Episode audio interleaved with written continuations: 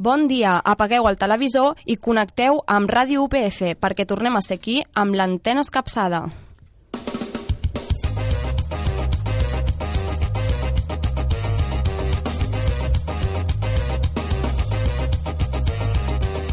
L'antena escapçada, un programa d'UPF Ràdio.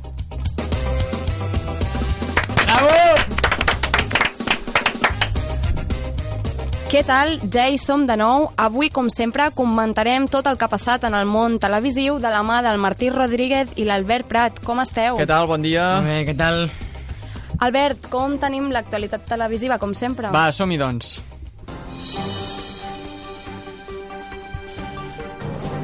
Posem-nos serios perquè, atenció, Mercedes Milà estrena programa després de deixar el Gran Hermano i que les audiències hagin punxat.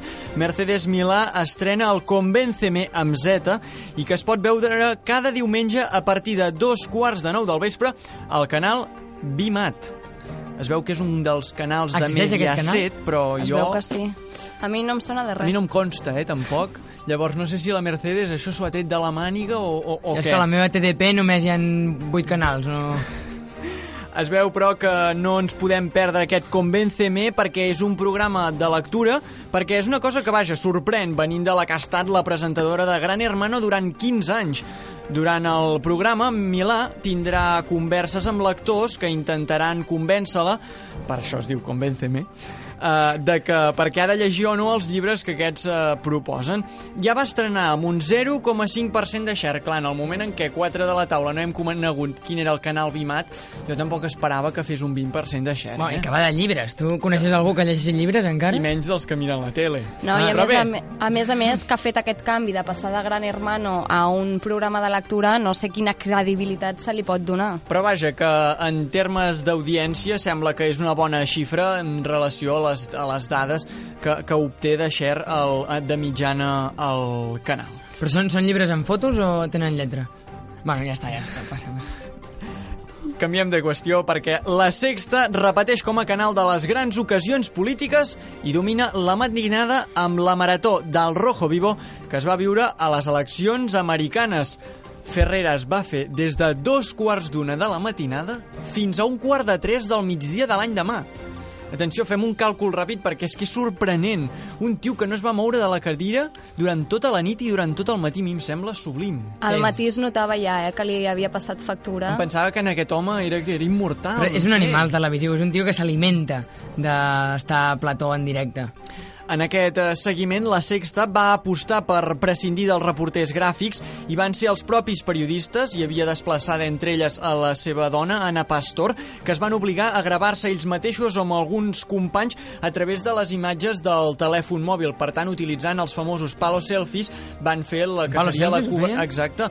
La mateixa Anna Pastor va penjar una imatge a Twitter on t'ho ensenyava i eren els palo selfies els que substituïen els càmeres mm, de tota la vida. Suposo que deuen estar bastant enfadats, aquests Sí, càmeres. a, a Twitter hi havia l'ambient bastant caldejat, eh? la gent estava bastant contenta. Segons recull el Confidencial Digital, això, no?, que els càmeres no estaven massa contents amb la decisió de la cadena i temien que aquesta es pogués convertir en una pràctica habitual en les pròximes cobertures, mm, tenint en compte el, el, la reducció de, de pressupost. Però vosaltres ho veu veure? Sí, Sí, I, sí. I com es veia amb el Evidentment, eh, se- ja entrada la nit, la imatge era bastant precària, patètica, lamentable, en el moment en què si no tens cap foco de, de, de, damunt la càmera que t'il·lumini a la periodista, mm, si està ubicada en una zona... No ho van poder preveure, això? No ho van provar a l'hotel? Com funcionaven les Mm, no ho càmeres? tinc clar, però jo almenys les connexions que vaig veure de la Pastora a la seu de Trump, crec que era, eh, realment es veia mm, bastant malament. I, I es veu- la resolució i la, la, Clar. la qualitat de la imatge no era ni de bon tros la que s'aconsegueix amb una càmera professional. Però es veu que la Sexta vol seguir amb aquesta tendència i aprofitar que d'aquesta manera es podran fer més desplaçaments. Sí que en tot moment a la, a la pantalla van incorporar un logo que es deia Walking Live, que era el que indicava que aquelles imatges doncs, estaven preses a través d'un telèfon mòbil. I pareu atenció perquè quatre dies per cap d'any i ja tenim els primers noms. Lara Álvarez i Carlos Sobera seran els encarregats de despedir l'any a Mediaset. També s'ha sapigut que Cristina Pedroche i Alberto Chicote seran els que donaran les campanades des de la Puerta del Sol a Antena 3. A la Pedroche ja no hi ha qui la tregui, eh? No hi ha qui la tregui. I a Els més a seus més, vestits. ella ja va provocar dient que està per veure quin vestit lluirà de cara a la gala mm, d'aquest any. El que no se Serà, sap... serà barato. Veurem. El que encara no se sap, però, és quins seran els encarregats de donar les campanades de la Sexta, Televisió Espanyola i TV3. Recordem que TV3 l'any passat van ser Àngel Llàcer i Xenó. Xenó. Aquest any seria eh, hagués sigut la clau perquè amb, el, amb la ressaca que acumulem de OT 15 anys jo crec que vaja, de, almenys no haguessin cobrat lo mateix o no haguessin demanat el mateix per fer les campanades l'any passat que aquest, no sé, eh? Són a Xenoa per TV1, eh? per Sí? Televisió Espanyola. Jo, Sí. ah, sí? Jo hi vaig llegir que per TV3 són eh, personatges de Merlí. Però vaja. Haurem d'esperar, doncs, i veure quins són els pròxims eh, noms que es desvetllaran Un moment, Albert, perdona per interrompre't, perquè m'arriba una notícia d'última hora. Sembla ser que la història no és tal com hi la coneixem. Escoltem, si us plau, a una personatge de Gran Hermano que ens explica què és el mur de Berlín. Sembla que no el tenim. Endavant. ¿Habéis estudiado lo que es el muro de Berlín? ¿Sabéis un poco lo que es? Estaba un muro, ¿vale? Y separaba todo lo que era la zona de América y todo eso. Estaba y lo separado tiraron por- abajo. Por como... mm, La gente estaba... pudiera- O sea, hubo como una guerra, digamos, ¿vale? Y se construyó un muro. Y estaba separado por una zona, ¿vale? Donde estaba la gente un poco más pobre y por otra zona donde había gente más rica. Y la gente pobre ya, un, después de tantos años, estuvo 20 años así separado, no podía pasar nadie al otro territorio, mucha gente, muchos familiares estaban en el otro territorio, no se podía acceder, era como un poco aquí a veces gente que quiere emigrar cosas, no el mismo, pero un poco así, una guerra muy importante hasta que los obreros, digamos, ya se hartaron y cogieron y empezaron a destrozar el muro entero, que imagínate todo lo que es un muro que separe todo, ¿sabes? Es increíble. Si us plau, algú a dir, algú a comentar després d'aquestes declaracions? Jo, bueno, jo, jo crec que ella ho diu, no, no és lo mismo. No és lo mismo, jo crec que queda claríssim que l'únic que està fent és la comparació. Perdoneu, eh? jo no l'havia sentit i m'ha semblat escoltar al principi com que ubicava aquest mur a Amèrica. Correcte. Ubicava el mur de Berlín, Amèrica. Imagineu el nivell cultural de, dels protagonistes de Gran Hermano. Ara sí, deixem l'actualitat i passem a les audiències.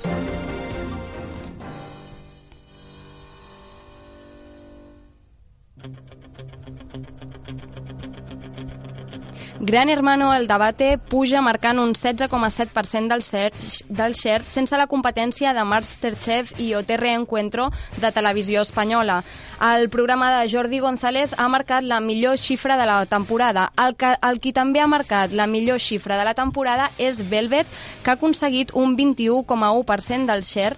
Tot i així, els coach de la voz es tornen a imposar amb un 22,4%. Sembla ser que, voz segueix latent a la nit dels dimecres. Pel que sembla voz s'està convertint ara mateix en el hit de Telecinco quan fa quatre dies era Gran Hermano i per, veient la, la punxada d'aquest eh, programa ara mateix és el programa insígnia de la cadena, no? Sí, a veure, el format de la voz ha funcionat molt bé a molts països i sembla ser que Espanya no és una excepció. A Catalunya, però, els dilluns a la nit segueixen sent de Merlí i la segona posició se l'emporta la que s'avecina. Algun fan de Merlí tenim per aquí? Algú que la segueixi? Mm, Jo no. En Martí, en Martí té moltes coses a dir amb els seus articles Sí, però i hauríem- hauríem de fer un programa. que mereixen un programa a part. Hauríem oi? de fer un programa complet a part, que ja arribarà, suposo, algun dia. L'esperem amb candeletes, doncs. Passem a la nostra secció d'entrevistes. Albert? Sí, perquè aquesta setmana, coincidint amb l'adeu del gran dictat que es va anunciar fa uns dies eh, de la graella de cada dilluns a divendres a TV3, vam poder parlar amb Òscar Dalmau.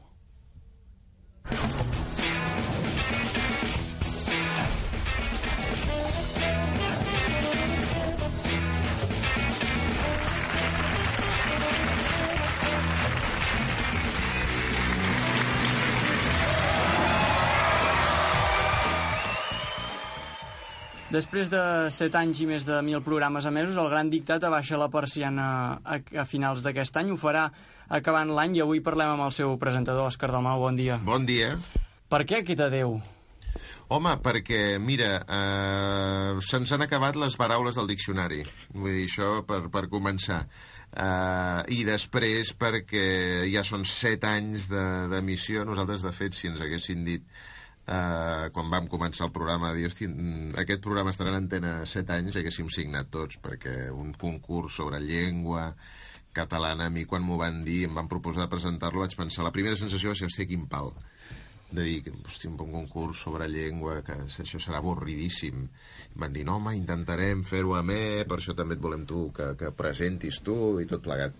Però, però de fet, i, i de fet la, la, la, la causa principal de que s'acabi el gran dictat són les audiències. Vull dir, si això hagués funcionat com un tro en el seu setè any, la setena, temporada, hi hauria concurs encara, suposo, per molts anys, com passa amb el Saber i Ganar, per exemple, o amb el Passapalabra, o, però la veritat és que les audiències han anat a la baixa durant l'últim any i, i s'acaba, s'acaba.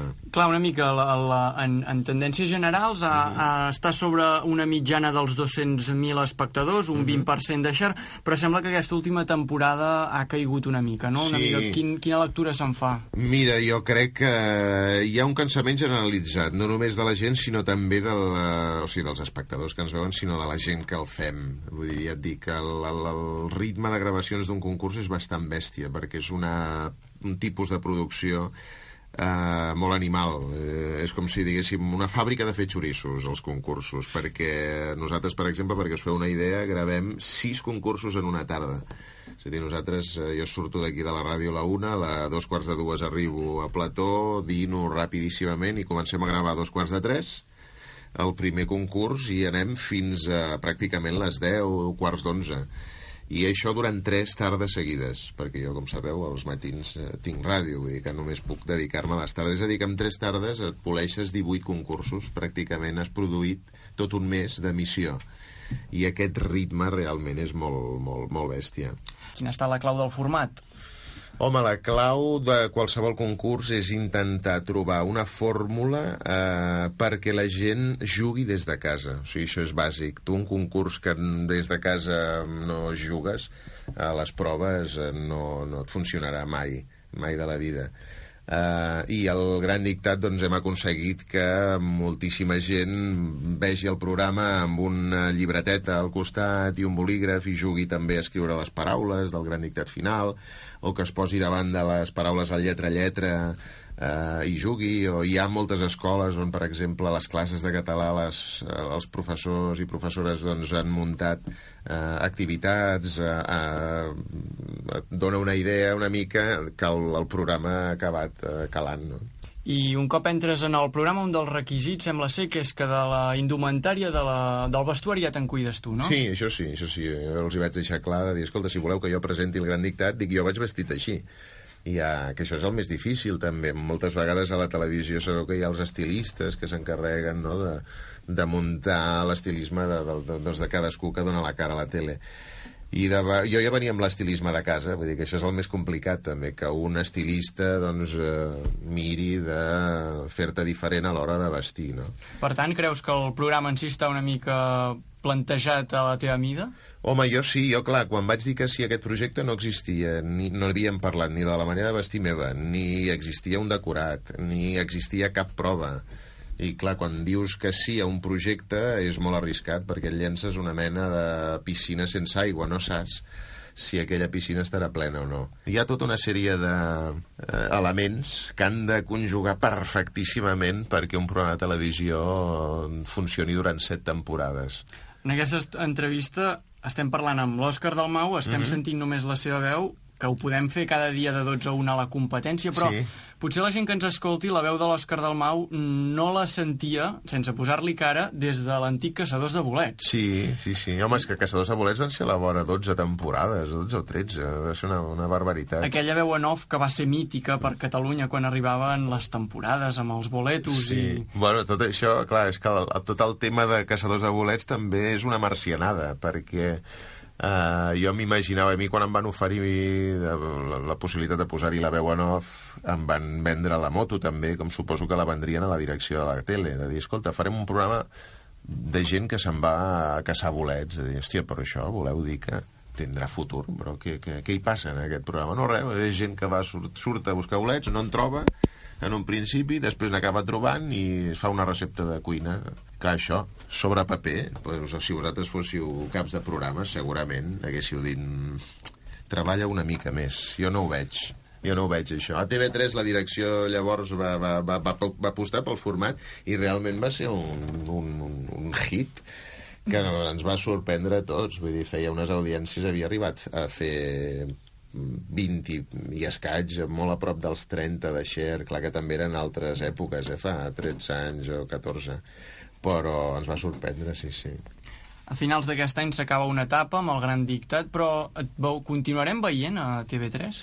Això no, no ho sé, depèn de TV3 també i depèn de, de, bueno, de si venen projectes que són llaminers i jo de moment, eh, afortunadament jo tinc la ràdio, que de fet la ràdio ha estat sempre la meva dona i la televisió la meva amant eh, que això també vosaltres que estudieu ho heu de tenir molt clar. També la televisió és una estona. No sé qui ho va dir però li vaig comprar la idea i és veritat, la televisió és una estona. A mi amb el Gran Dictat mira, he tingut sort i ha durat 7 anys amb els caçadors de bolets. Doncs em va durar 12 o 13 no? però normalment eh, els programes de la tele acostumen a durar 3 mesos. De fet tu vas signant eh, contractes trimestrals i això et dona una idea també de sempre de, de, de, de volatilitat, de dir, bé, això, bé, ara gravarem un trimestre, però pot ser que a partir del trimestre següent jo ja no tingui feina, no? A mi la ràdio és el que m'ha donat la seguretat de poder pagar el lloguer des del mes de setembre, que comença la temporada, fins al mes de juliol, que s'acaba i això la televisió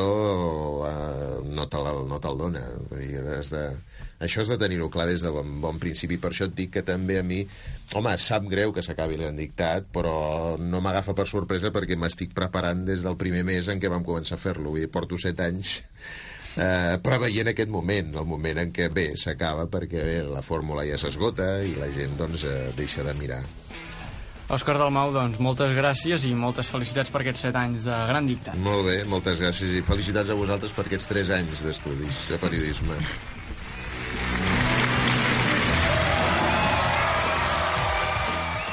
Ja heu vist, no?, quin final més simpàtic donant-nos i Gran, gran, gran, gran, desitjar-nos molt gran, sort pel que, ens, pel que ens queda. Se'l veu maco, eh? Sí, Sí, bon xicot. molt bé. Doncs res, Albert, moltes gràcies. De res.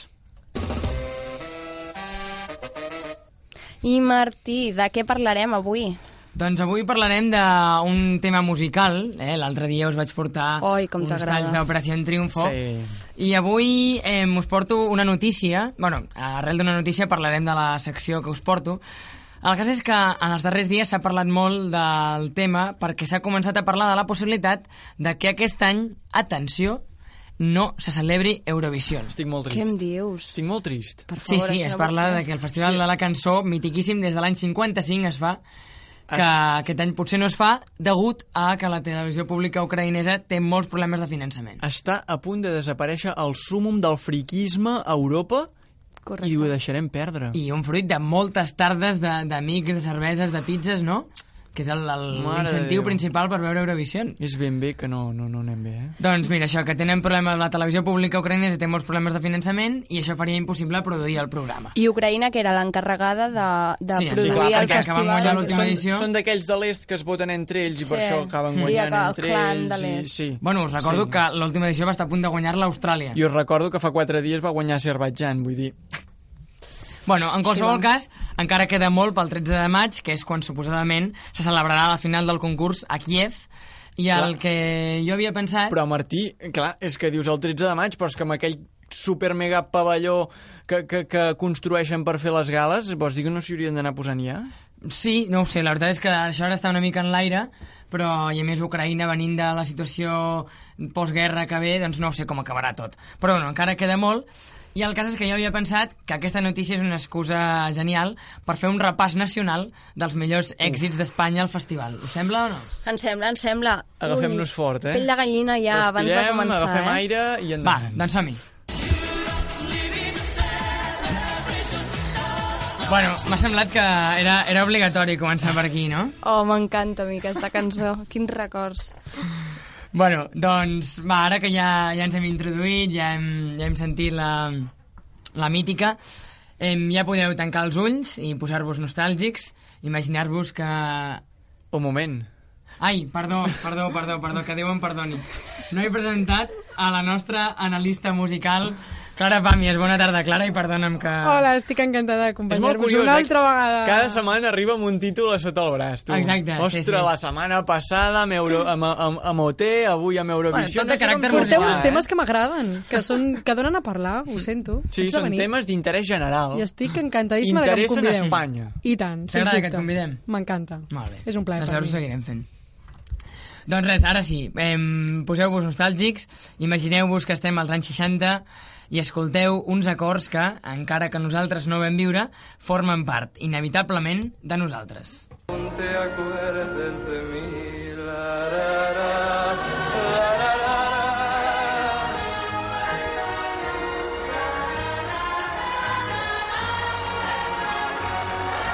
Bueno, hi ha, una, hi ha una dita espanyola que diu Nunca digas Julio Iglesias no es mi padre. Bueno, sembla que la, la, la dita és diferent, però, però vaja. Res, que aquest era, era Don Julio Iglesias cantant Gwendoline. M'encanta això de Don. 1966. Jo, a mi aquesta sí que no em sona No, jo tampoc, gens. estic molt Ens fora. queda molt lluny. sí, ens queda sí, sí. lluny. Es veu que la Gwendoline era una, la primera nòvia que va tenir, que era una noia Ah, la- francesa. Carai, Home, va és que haver un aquest té currículum, tot, eh? no? Sí, Té sí, sí, sí. currículum. Ostres. Sí, sí, sí. I que la va tenir, doncs, això, als 20 anys, quan estudiava dret. Que 20 l'amic anys? Iglesias estudiava dret. Devia ser nòvia sèria. eh? Sí, sí, sí. Ah. I quan era porter del Madrid, llavors arrel de la lesió va començar a cantar ja tota la pesca. Carai. Però... Però bueno, seguim, va, que, que encara no marxem dels 60. Escolteu això.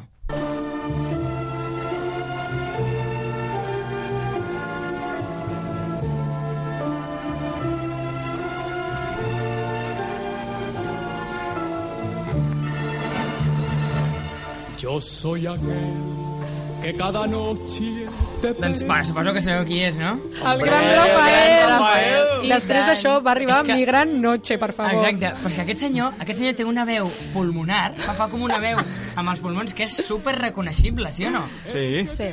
Bueno, i què... I- I una cara que ho encanta, que, Sí, sí, sí. que fa de tot menys gras. Bueno, una mica de por, inclús. Doncs res, que aquest senyor, el Rafael, abans de fer anuncis de la loteria, cantava una miqueta i, i això, el 1966 va representar Espanya a Eurovision i va quedar quart, em sembla, o cinquè. Carai. Carai. Sí. Déu-n'hi-do, no. Sí, però era un moment en què Eurovision participava en 12-13 països, Ah. no? Ah, Encara no vale, hi havia hagut el gran boom. I llavors, res, per, per anar tancant la dècada aquesta gloriosa dels 60 de les representacions d'Espanya a Eurovision, eh, l'elecció era molt fàcil.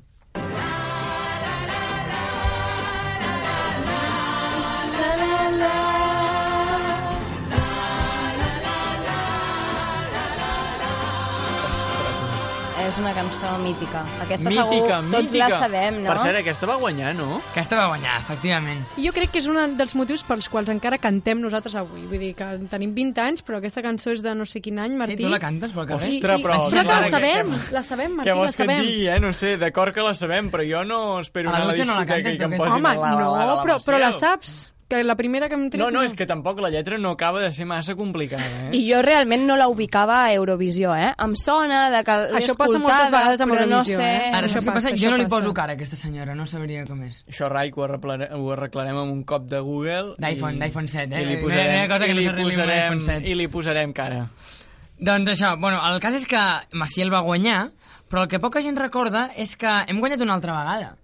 I això, l'any següent, Sí, sí, o sigui, Maciel... Hem fet molta feina, no? Ostres, Eurovisió, no? Pensava jo que, que pensava que Espanya que, sempre quedava de les últimes. Maciel- i- no sé i que només ens donaven punts Portugal i Grècia, I Andorra. Itàlia... Vam tenir una època daurada. Maciel va Ostres. guanyar l'any 68 i l'any següent, el 1969, Salomé va quedar en primera posició, empatada amb quatre països més, això sí, amb aquesta cançó. Desde que llegaste ya no vivo llorando, vivo cantando, vivo soñando. Solo quiero que Albert, veig que cantes poc avui, eh? Sí, no, no. No, però aquesta és molt bona, eh? Aquesta és molt Sí, bona. sí, I els sí. seus moviments així, tots sutils, era cuca. És digne de veure el vídeo, Va eh? durar una època, per tant, que ho petàvem, no? A Eurovisió, Sí, anàvem... sí. Home, dos anys consecutius, eh? Déu-n'hi-do. I aquesta jo crec que és d'aquelles que perdura pel, pel poder del karaoke, Sí, sí, no? sí, que, sí. Home. que en aquells karaoke ja sigui familiar o el que sigui, cau. Els de 5 caure, stars, els 5 stars. No? Exacte, Carai, sí, sí, sí. molt. I res, acabem ja amb els èxits retro, després parlarem dels moderns, amb una participació catalana. Així sonava la rumba de Peret a Eurovisió l'any 1974.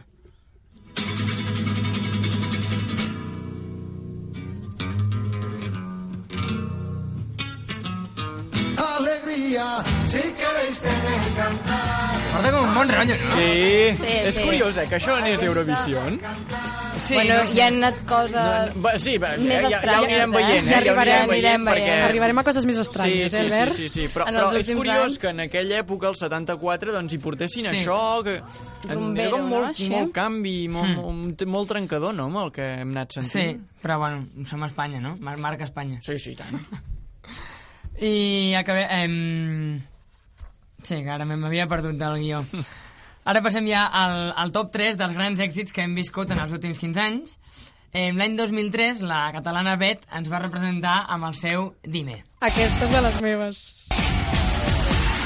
Dime qué es lo que puedo hacer, cómo te puedo A la Clara donant-ho tot a l'estudi Sí, d'UPF Ràdio. sí, sí, sí, quan sí. són dos quarts de dues del 15 de novembre. M'agradaria plantejar un dubte que ha sortit abans, eh, que jo també el tenia, i eh, com a experta d'Eurovisió, no té i tot plegat, que és clar, aquesta va ser un, un producte més d'Eurovi- eh, de- D'Operació d'Operació Triunfo, la dues, Dos. segona edició. Per tant, en els anys en què hi havia Operació Triunfo, um, era un càsting per portar la gent a Eurovisió o no? Normalment sí, però fins i tot s'ha d'escollir des de l'acadèmia o els hi oferien i llavors després feien un càsting i, i, i normalment hi anaven de, des d'Operació Triunfo. Tenim, hem de tenir en compte que Rosa Espanya va quedar la primera i va anar a Eurovisió acompanyada d'uns altres companys que ella va triar i la Bet va ser la tercera de l'edició, vull dir que no, La no mimada, va guanyar. La mimada de l'acadèmia. Catalana, catalana. Però feien una gala especial, o què? Perquè jo vaig veure que per la primera edició van fer una segona gala per, entre els cinc finalistes d'OT, per, no? O per veure qui representava. Exacte, sí, I... perquè havien... O sigui, això la triaven Clar, i, i, i- però, i la Rosa va dir que no volia anar sola, que I el, anava premi. I el premi de consolació, en comptes de donar-los el joc de taula i gràcies per concursar, els van fotre darrere a ballar amb la Rosa d'Espanya. Exacte, a fer els coros. És un bon premi, eh? Bueno, i també va passar al concert, eh? Al concert d'OT va passar això. Vas anar-hi? I tant, i tant. I què tal? Molt emotiu, molt emotiu. Però que ens n'anem del tema, nois. No en vol parlar.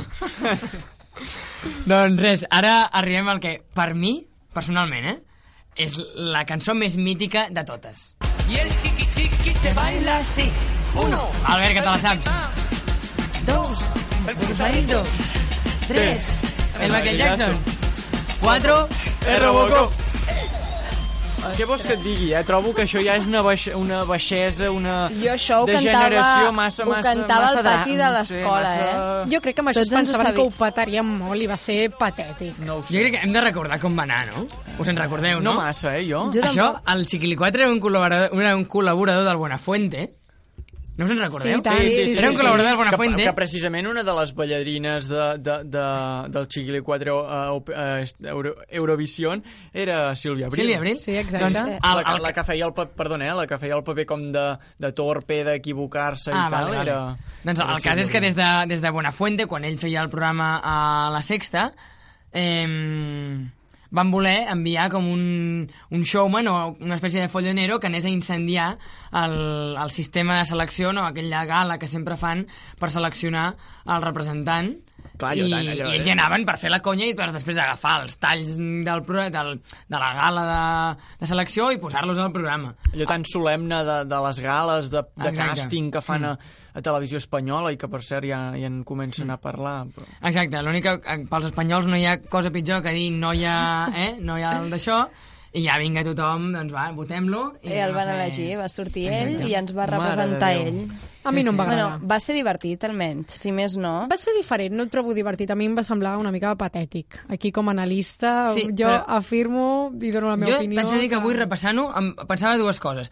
La primera és que després veient altres actuacions tampoc és tan lamentable, perquè jo he vist altres anys que hi ha gent Sí. que presenta unes animalades del quinto. En els darrers anys s'han vist bastant drames que Però estan en la línia però tu de... t'estàs referint a altres països. Jo dic en la línia Ah, del sí, que sí, veníem clar. d'Espanya. Sí, sí. Això va que- ser un sí, toc... sí. Tret dels anys d'or aquests que hem repassat als Bueno, 70, sí. Que no després ja vam anar de, de capa no. caiguda. Però Sí, i a mi l'altra cosa que m'ha sorprès molt és que la, la, la melodia no és que sigui... És que és basiquíssima, no té...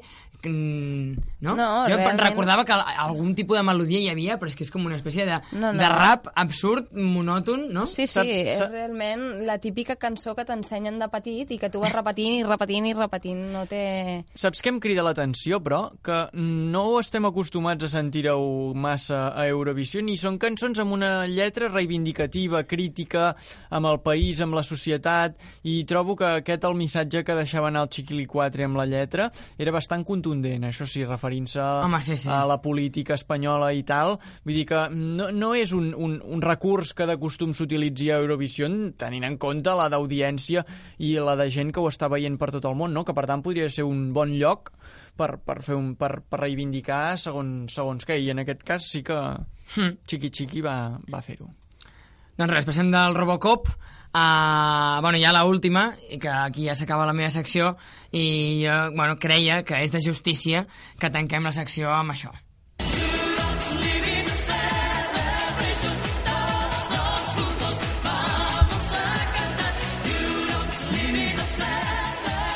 Va, Albert, que te la saps, va.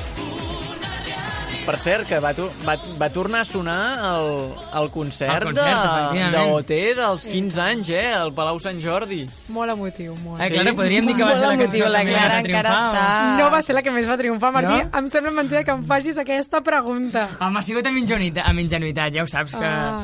Però, bueno, Va triomfar Escondidos. La cobra, escondidos i tota la pesca, no? És, Sí, sí, Sí. Però això us dona per fer-ne un programa especial. sencer. sí, sí, un sí, especial... sí, sí, un, és un dilema a part. Bé, nois, de moment deixem aquí la secció del bueno, Martí. queda pendent un especial de Marley Que- i un especial Cobra, eh? Queda pendent, queda pendent. Moltes gràcies, Martí, per aquest Remember, però abans d'acomiadar-nos, l'Albert ens porta una última notícia. Doncs sí, perquè justament ahir coneixíem això.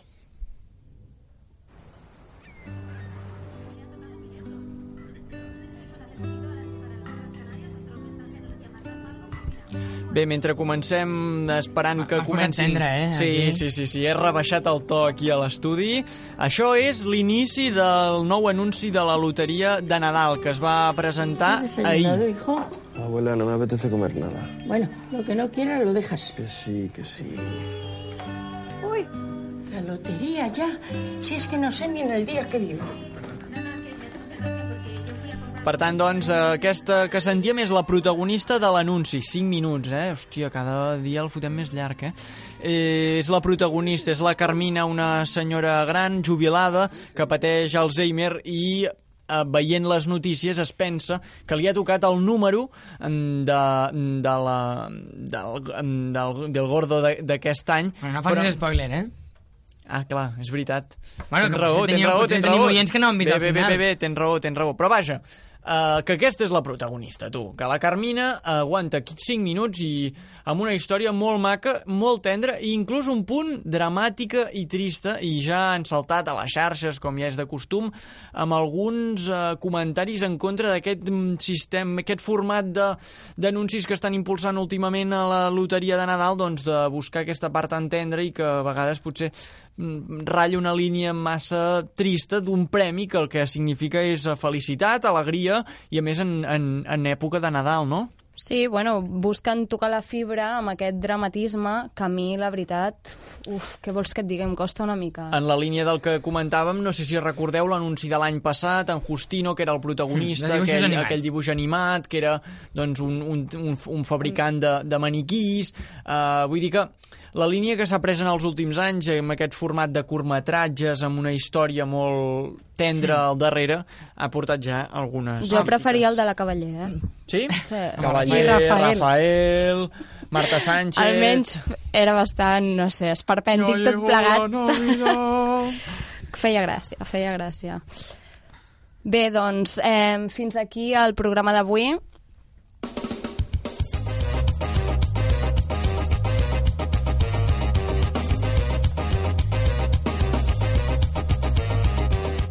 L'antena escapçada, un programa d'UPF Ràdio.